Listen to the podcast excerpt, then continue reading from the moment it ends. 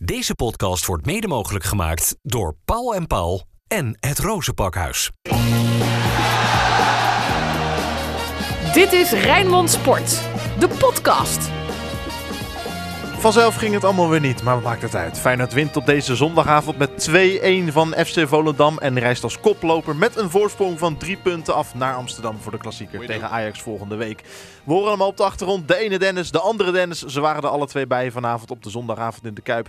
Ja man, het is zo'n seizoen hè, dat het uh, eigenlijk elke week, uh, dat er nooit eens een 3 of 4-0 tussen kan zitten. Nee.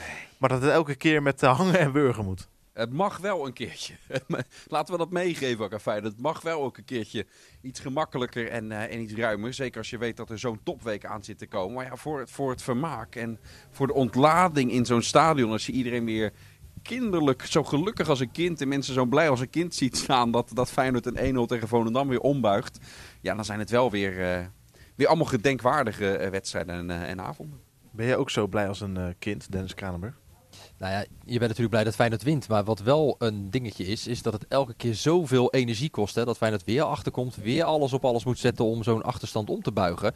Ja, en zeker met dat drukke programma wat Feyenoord heeft. Het is, ja, niet alleen wij uh, houden een soort repeterend verhaal, maar dat doen ze hier natuurlijk bij Feyenoord ook. Hè, want je komt achter, moet hard uh, werken om het uiteindelijk weer om te draaien.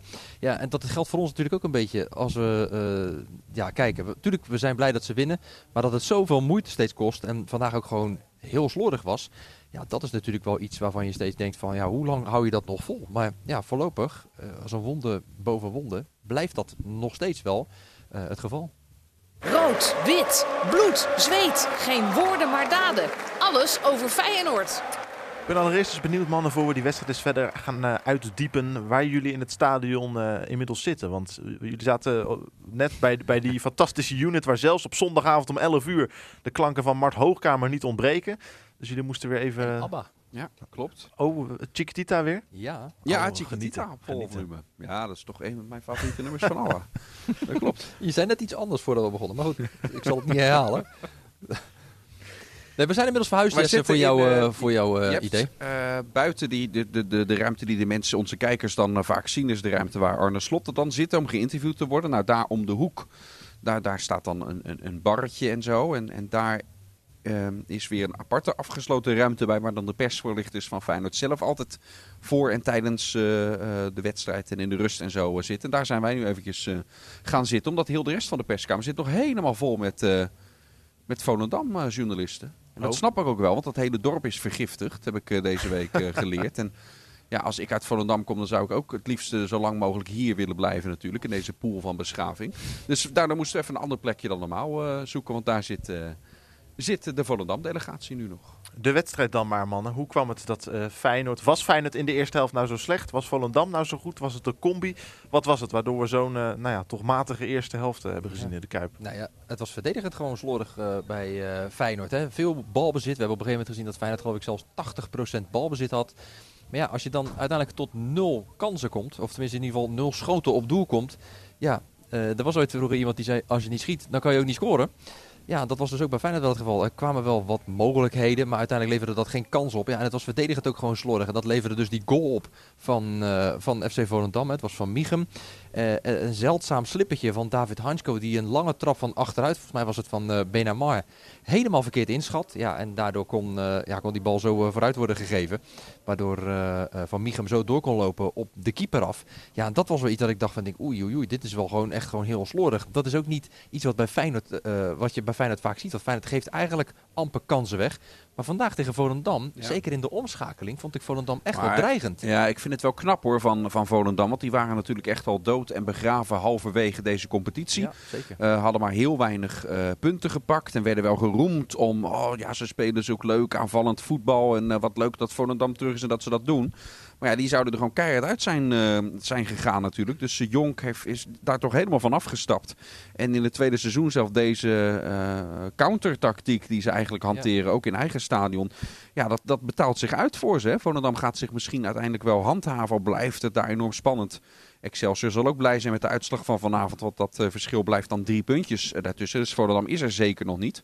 Maar ja, die stonden goed te verdedigen vandaag. En ik denk tegen menig andere club dat ze gewoon een resultaat met deze tactiek hadden kunnen behalen. Kan Welleroy er meer doen bij de goal? Ja. Nou, dat zeg ik meteen snel. Maar jij bent de keepers, eh, jij bent de oud-keeper natuurlijk. Hij gaat, on, hij gaat onder hem door. Hè? Dus dat- ja, als hij net wat, wat sneller naar de grond gaat, zou ik zeggen. Of, of de hoek kleiner maakt eh, door eerder uit te komen.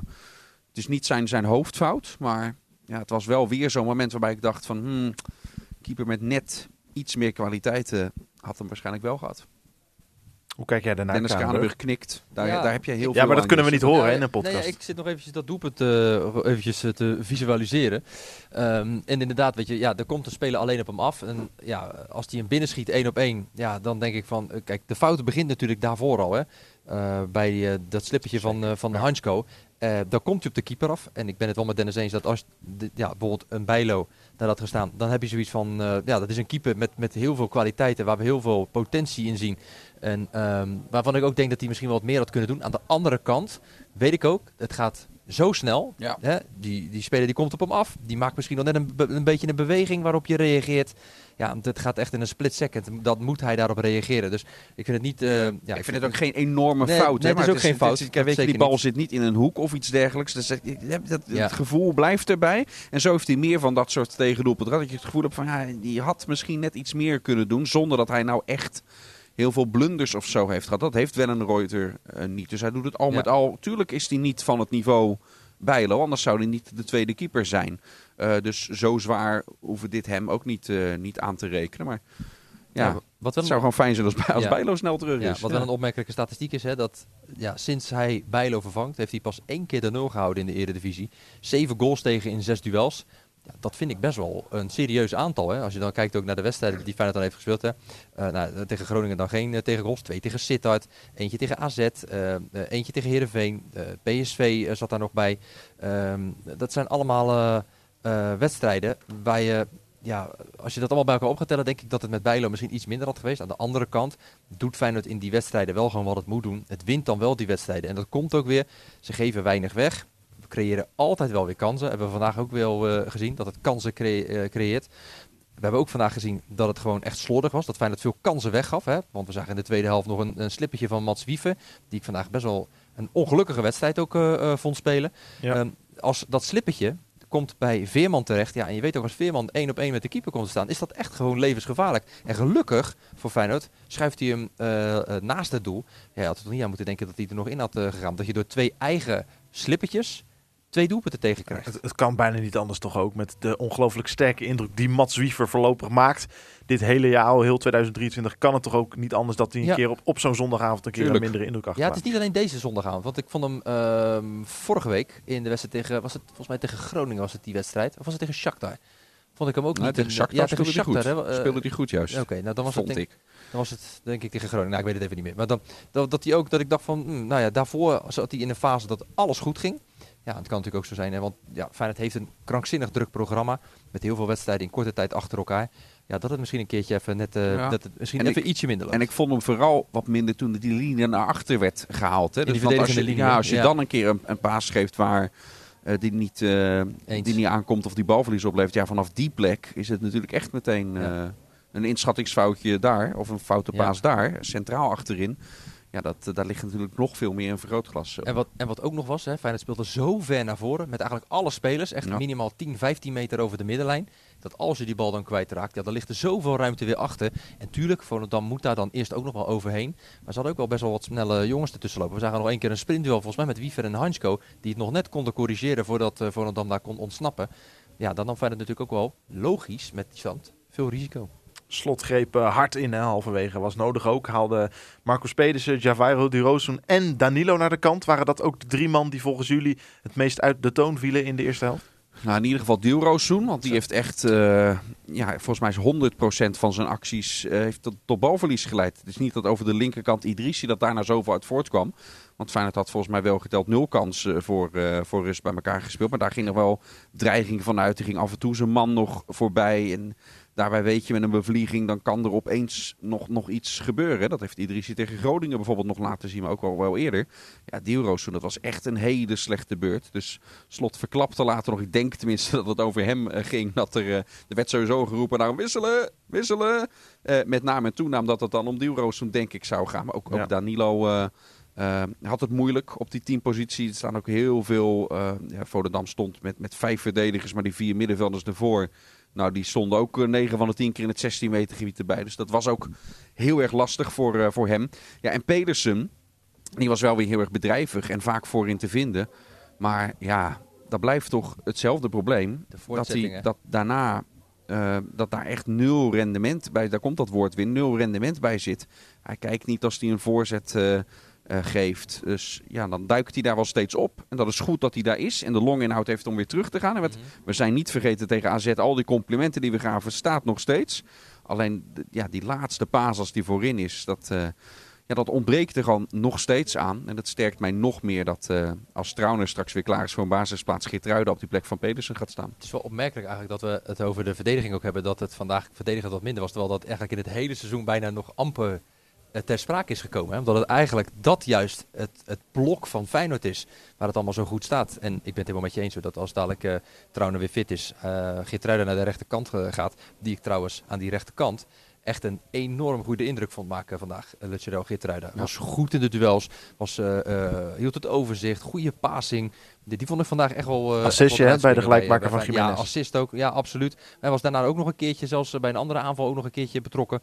Dus dat, ja, dat, daar zie je ook wel aan dat hij in, uh, in de tijd dat hij nu met Slot samenwerkt, echt enorme stappen in zijn ontwikkeling heeft gemaakt. Ook, hè, die Lucero Geertruida. Die als centrale verdediger het ontzettend goed doet. Hè? Nu Trauner uh, weer uh, op de weg terug is, maar tijdens zijn afwezigheid. Ja, en dat, als je dan ziet hoe hij dat vandaag ook aan de rechterkant weer invult, waar toch wel wat anders van je wordt gevraagd. Omdat je dan ineens veel meer wordt betrokken bij bijvoorbeeld de aanvallen via die rechterflank. Waardoor je dan ineens meer mee naar voren kan, waar er meer dreiging uitkomt. Ja, dan zie je dat dat bij Pedersen niet is en bij Geertruida wel. En dat verschil tussen uh, Pedersen en Geertruida gaat er uiteindelijk mede voor zorgen dat Slot kiest dadelijk voor Geertruida, omdat die dus in zijn opbouw beter is, meer oog heeft voor zijn uh, ploeggenoten die ook met hem meelopen. Dus ja, dat gaat echt het verschil maken straks. Dat gaat komende donderdag en komende zondag toch gewoon gebeuren. Gernot Trouwen terug in het elftal en Geertruida naar rechts ten koste van Pedersen. Dat kan toch niet meer la niet langer uitblijven? Hebben we laatst in een van de vorige podcasts heb ik dat, uh, heb ik dat aangegeven dat ik dat wel uh, logisch qua de, de opbouw vind dat, uh, dat dit het moment is dat Trouwner terugkomt in die, uh, in die ploeg. Hij heeft vandaag wel nul minuten gemaakt natuurlijk. Hè, dus dat is in die opbouwfase ook wel logisch. dan uh, misschien niet wat hij wilde. Maar ook wel logisch inderdaad. jij weet net als ik, Dennis, dat hij op scherp staat. Ja. En je moet niet aan denken dat hij vandaag invalt tot nog tegen een gele kaart aanloopt. Ja. Omdat, het, omdat het nog spannend is met die 2-1 stand. En dan sowieso in de arena niet kan opstellen. Laten we even luisteren naar het in mijn ogen mannen. En uh, ik hoor jullie uh, zo wel of jullie daarbij aansluiten. In mijn ogen mooiste moment van deze avond op Radio Rijnmond. Kuksu kapt hem terug, halverwege de helft van FC Volendam. Terwijl hier voor ons ook de sjaaltjes Ja, de lucht in gaan. Dit is gaaf om Het te zien. hele Het hele stadion. nu. De sjaals de lucht in. Op het moment dat Feyenoord op die 2 in voorsprong staat, gaat Lopez vooruit naar Kuksu. Kuksu terug naar Wiever aan de rechterkant naar Jaanbaks. Ja, die uh, gaat een actie maken. Dat zie je aan zijn uh, houding. Krijgt hem niet bij Geert Truida. Waar de Volendam er weer tussen zit. Maar Wiever snel overneemt. Laten we even het stadion uh, horen. Dit mooie gezang hier.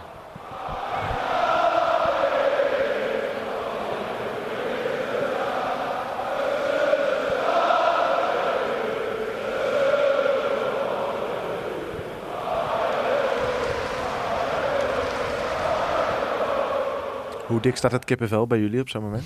Ja, dat was echt heel tof. Weet je. Iedereen stond met, uh, met die sjaal ook bo boven het hoofd. En dat begon eerst op vak S en zo. En uiteindelijk verspreidde dat zich bijna door, door heel het stadion heen. Ik heb, ik heb verzuimd te kijken naar het Volendam-vak bij dat moment. Ik maar kan, kan me zo voorstellen dat ze ook daar met Volendam-sjaaltjes maar gewoon erbij zijn gaan staan. Dus ja, dit was gewoon een, een prachtig, uh, ja, prachtig moment. En ik vind het zo, zo leuk ook dat, uh, dat lied van Kok van der Pan, dat is er al zo lang. En ergens in de loop van, van dit seizoen, ik weet niet bij welke wedstrijd dat begonnen is, maar dat is natuurlijk een klein groepje geweest. En dat, dat spreidde zich langzaam als een olievlek, heeft zich dat uitgespreid over dat hele legioen. Dat iedereen dat nummer nu elke wedstrijd zo uit volle borst aan het, uh, aan het zingen is. Ja, het is uh, de anthem van, van dit mogelijke kampioensjaar van Feyenoord. Ja. En ook wel mooi dat, die, dat dat weer inderdaad helemaal weer terug is. Hè? Zo'n, uh, ja, dat is ook wel leuk. mooi om te zien. Ja. Zo'n, uh, ja. En dat was in uh, 2017 gebeurde het natuurlijk met Feyenoord. We houden van die club, hè, van, de, van de selectie van, van 93. Ja. En toen had volgens mij de NOS had toen uiteindelijk een compilatie. Toen had je die spandoek ook, hè, met die, die songtekst.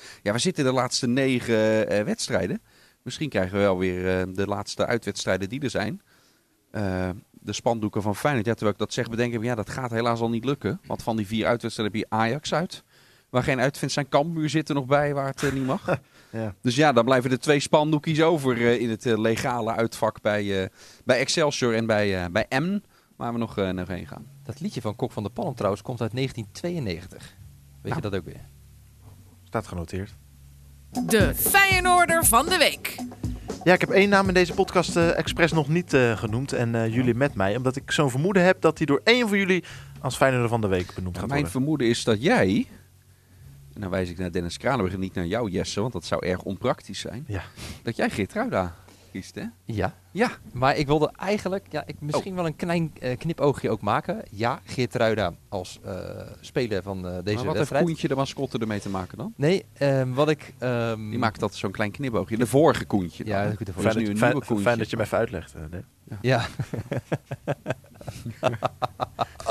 ja, dat vind ik dan ook wel heel mooi. het kan toch zijn dat niet iedereen dat weet? Maar ik wil eigenlijk ook Zeker. vanwege dat moment dat je net liet horen, misschien ook wel gewoon eens het legioen Nee, daarin ga, een ja, beetje... ga je nee, met maar- hem dat- even makkelijk scoren? Nee, nee, nee, dat is niet makkelijk scoren. Maar dat vind ik wel gewoon... eh, ja, je komt achter. Ja, het is ook gewoon eh, veel balbezit, maar ook gewoon heel slordig. Maar toch ook gewoon blijven gaan. Ook gewoon niet alleen op het veld, maar ook eromheen. Dat vind ik ook wel mooi. Ik kies de, uiteindelijk dus de...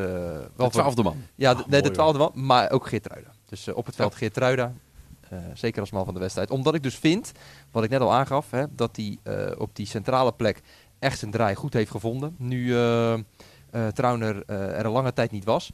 Maar dat hij dan weer wordt ja, omgezet naar die rechterkant. Op de plek waar Pedersen dus stond. Ja, vind ik dat hij het echt goed invulde. Met inderdaad sterk in de duels. We zagen op een gegeven moment een duel bij de eigen cornervlag tussen twee man in. Dan toch de rust houden, het overzicht houden. Die zelf tussen die twee man door vrij weten te spelen. Een ploeggenoot weten te bereiken. Passing goed. Eh, maar wat hij ook vooral doet, hè, om, want hij, het, is helemaal, het is gewoon nog wel een jonge, jonge gozer. Mhm. Heel erg de rust uitstralen. De kalmte bewaren. Ja, dat vind ik gewoon echt heel knap. En daar heeft hij echt ook stappen in gezet. Doelde jij Jesse op eh Boujoude? Ah, Van eh, de naam die nog niet gevallen is? hoe raad je het zo? Ja, dat, denk ik. Ik probeer een beetje in jullie Toch, hoofden toch te een bepaalde kruipen. telepathie hè, die we dan hebben. Als een echte pokerspeler.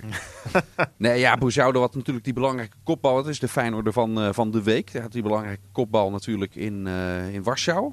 Eh, en van, ja, vandaag viel die in. Ik heb bij, Vla ik heb bij Vlagen er echt van genoten hoe die, hoe die inviel. Die had, hij heeft en eh, de, de techniek op, op sommige momenten voor, voor heerlijke acties. Die ene in het 16 meter gebied, hoe, hoe die daar Zo. op een of andere manier nog die aanname nog. Die aanname waarbij jij zelfs met die bizonkit op zijn schoen had. Dat hij in één keer dood is. Ja. Heer- hoe- Dat je dat prachtig omschreef trouwens op die manier. Was heel beeldend.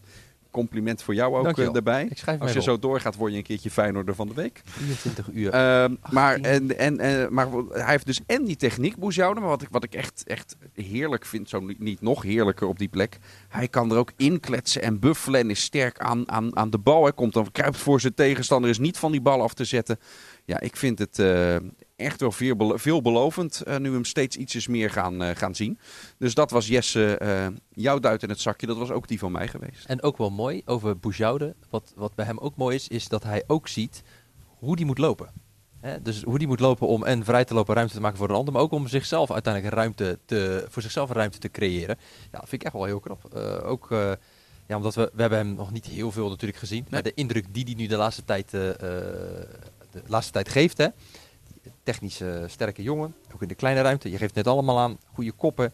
Ja, daar gaan we echt nog Ja. eh, in de toekomst nog heel veel plezier aan nog beleven. één naam in deze wedstrijd dan. Want ik, ik, ik kan het eigenlijk niet maken als die naam niet valt als het gaat om deze wedstrijd. Oh. Wat een wereld van verschil was dat namelijk tussen de eerste en de tweede helft die er daar op Ja, de rechtsbuitenplek stond. Dat is Ali Reza. Ja. Die ik ook echt met het gif in, in vond vallen van wat er op het spel staat eh, vanavond. Had ook een paar keer, paar keer hele goede balbehandelingen. En eh, ja, het lijkt me vrij duidelijk. Want hij speelde vandaag niet dat slot voor de wedstrijd aangegeven dat hij licht last van zijn knie had. En toch ook best wel veel minuten heeft gemaakt de laatste tijd. Dat hij, eh, net als Simanski, toch min of meer gespaard werd eigenlijk. werd niet zo hard gezegd, maar daar komt het wel op neer. Voor donderdag en zondag.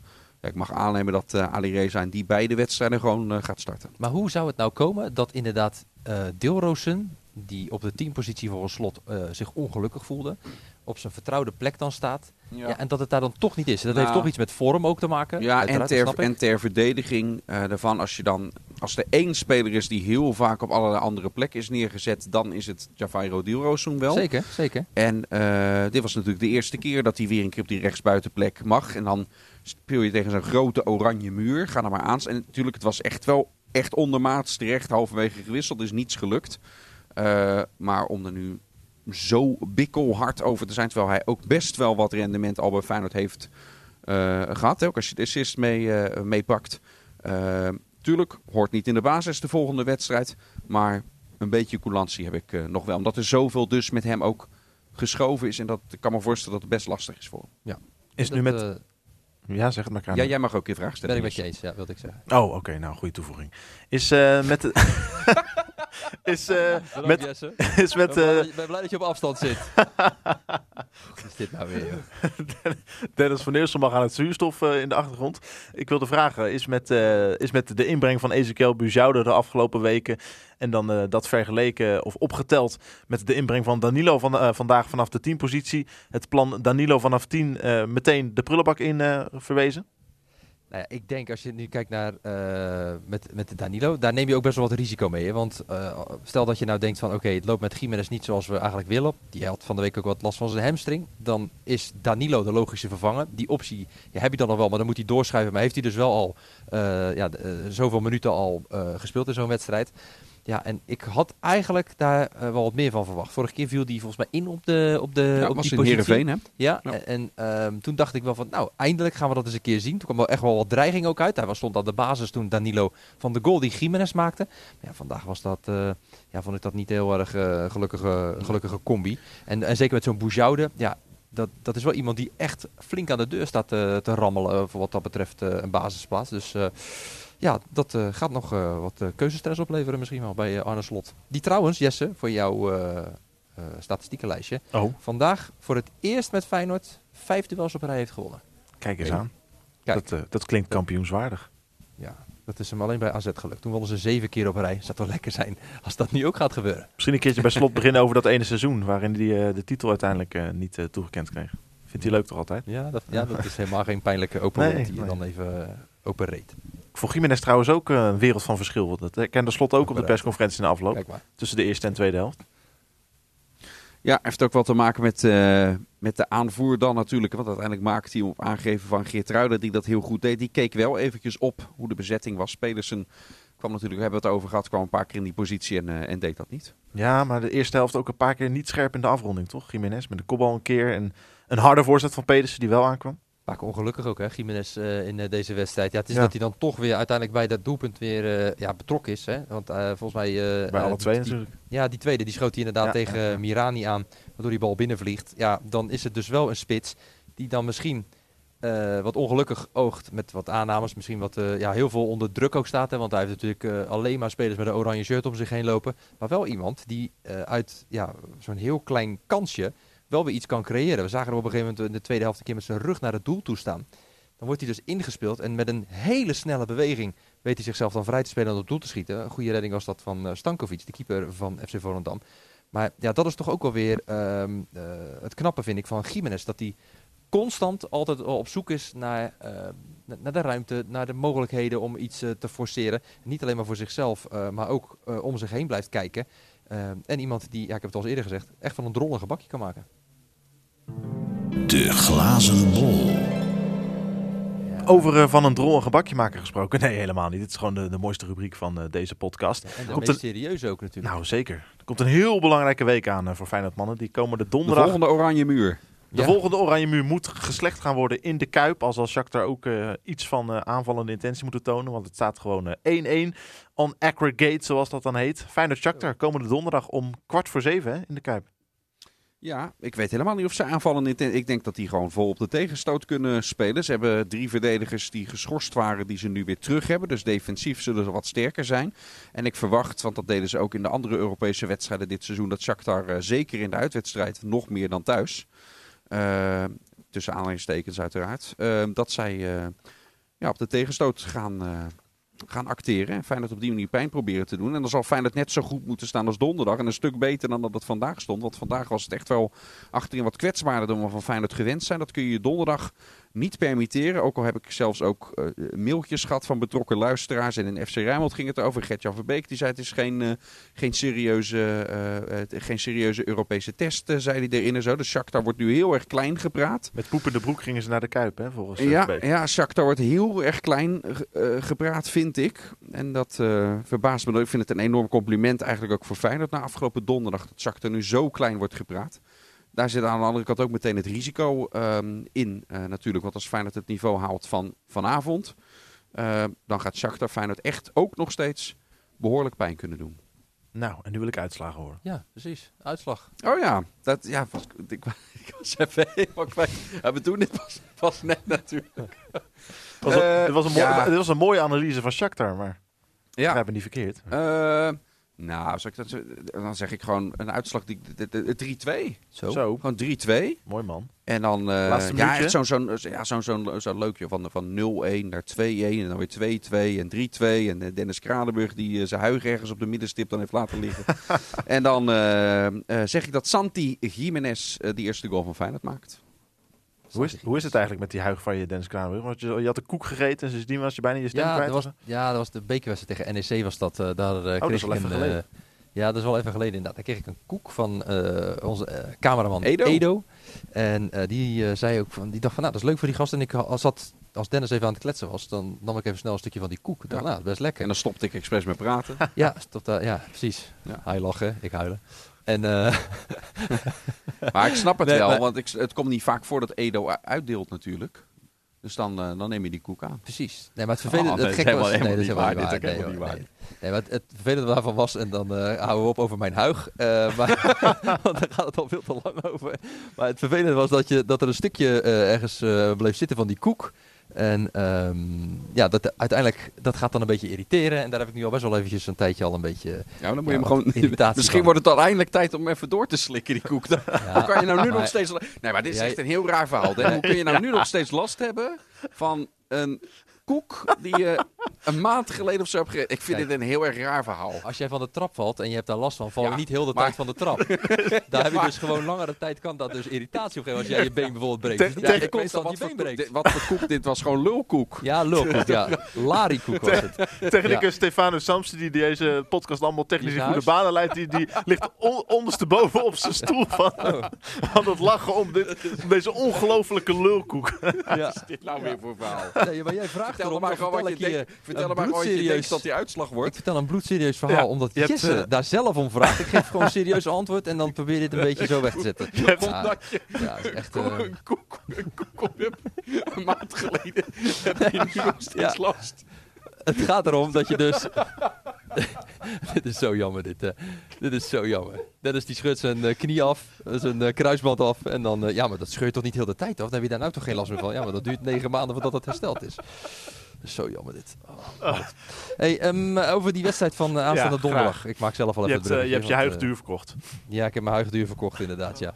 Ehm, nee, ik, wat ik wel heel goed vond aan de voorkant daarvan... is dat Arne Slot heel erg goed zijn ploeg had voorbereid op die wedstrijd. Omdat je zag ook bij Shakhtar dat de backs heel erg hoog stonden... op het moment dat ze op gingen bouwen. En de, de, de, ja, de flankspelers zich heel erg terug lieten zakken. En als je daar niet goed in meegaat, ja, dan, eh, dan ben je echt weg als uh, Feyenoord zijnde. Dus dat vond ik echt heel goed. En ik ga ervan uit dat hij dat eh, ja, voor komende week weer gewoon eh, eh, gaat doen. Dat hij zijn ploeg optimaal weer gaat voorbereiden. Dat de spelers daar ook ontzettend naar uitkijken. Want ja, je speelt niet elke week eh, een wedstrijd met een kans op een kwartfinale in een Europees toernooi. Dus ik denk dat Feyenoord gaat winnen met 2-1. En het eerste doelpunt gaat gemaakt worden, jawel, door Orkun Kuksu.